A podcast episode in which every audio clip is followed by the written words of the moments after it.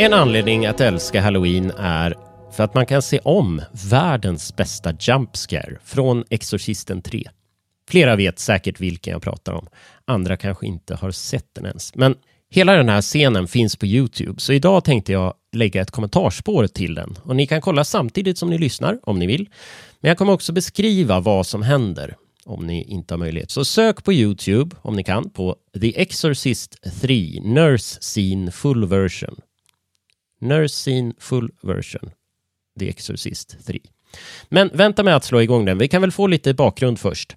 Alla känner ju till William Peter Bladdys eh, Exorcisten från 1973, regisserad av William Friedkin med Linda Blair i huvudrollen som den 12-åriga tjejen Regan som blir besatt av en demon.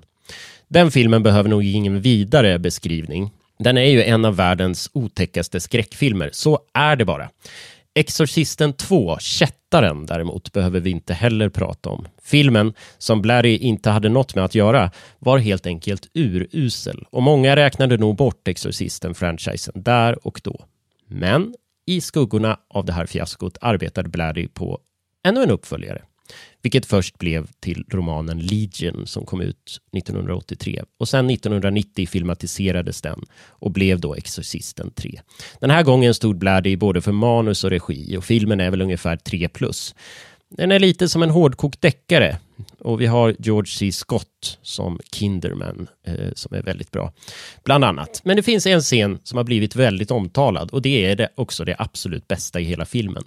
Den är lång den här, den är fyra minuter typ. Och innan vi sätter igång kan jag ju bara säga, scenen är djup. Vi har en fast kamera som filmar nerifrån en korridor på sjukhuset Angels of Mercy. Det känns just nu ganska tryggt och befolkat.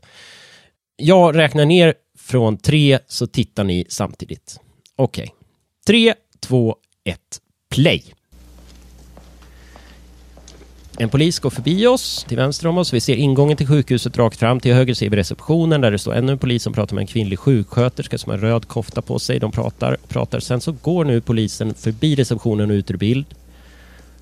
Och nu får vi vänta lite. Där hör sköterskan och vi ett klickande ljud från ett av rummen i korridoren. Hon tittar ju upp såklart. Nej, det där var inget att bry sig om. Hon återgår till Nej, men då klick och skrap. Och knarr. Hon tittar upp igen, lyssnar. Förutom henne är det nu helt tomt i receptionen. Stämningen har klart förändrats. Hon är plötsligt i en utsatt situation. Hon går för att titta efter polisen, kikar åt hållet han gick. Nej, hon ser honom inte. Hon håller sig om armarna. Det har blivit kallt nu tydligen. Hon går mot receptionen igen, stoppar händerna i fickorna.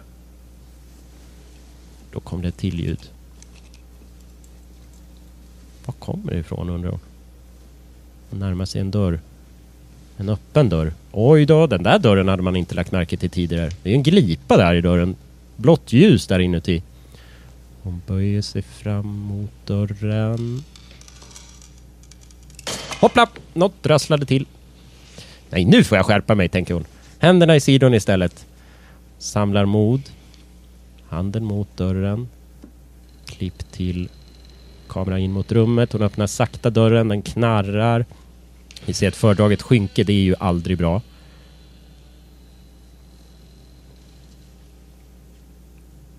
Hon passerar oss och går in i rummet.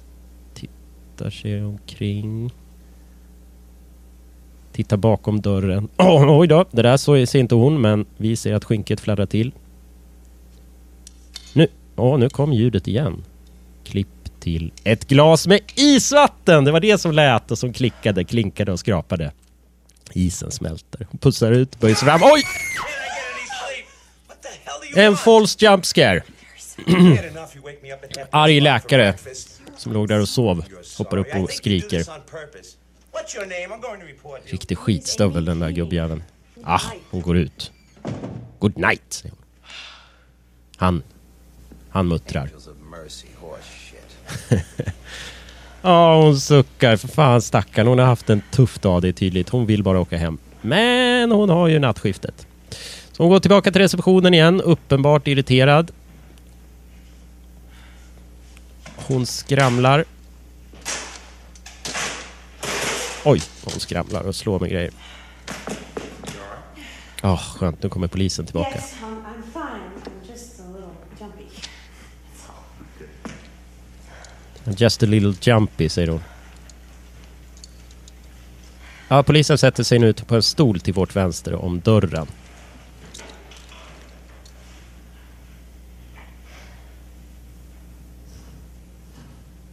Nu är det något skrapande. Klipp till sköterskan. Vad är det vi hör? Klipp till en annan dörr. Nu låter det i ett annat rum.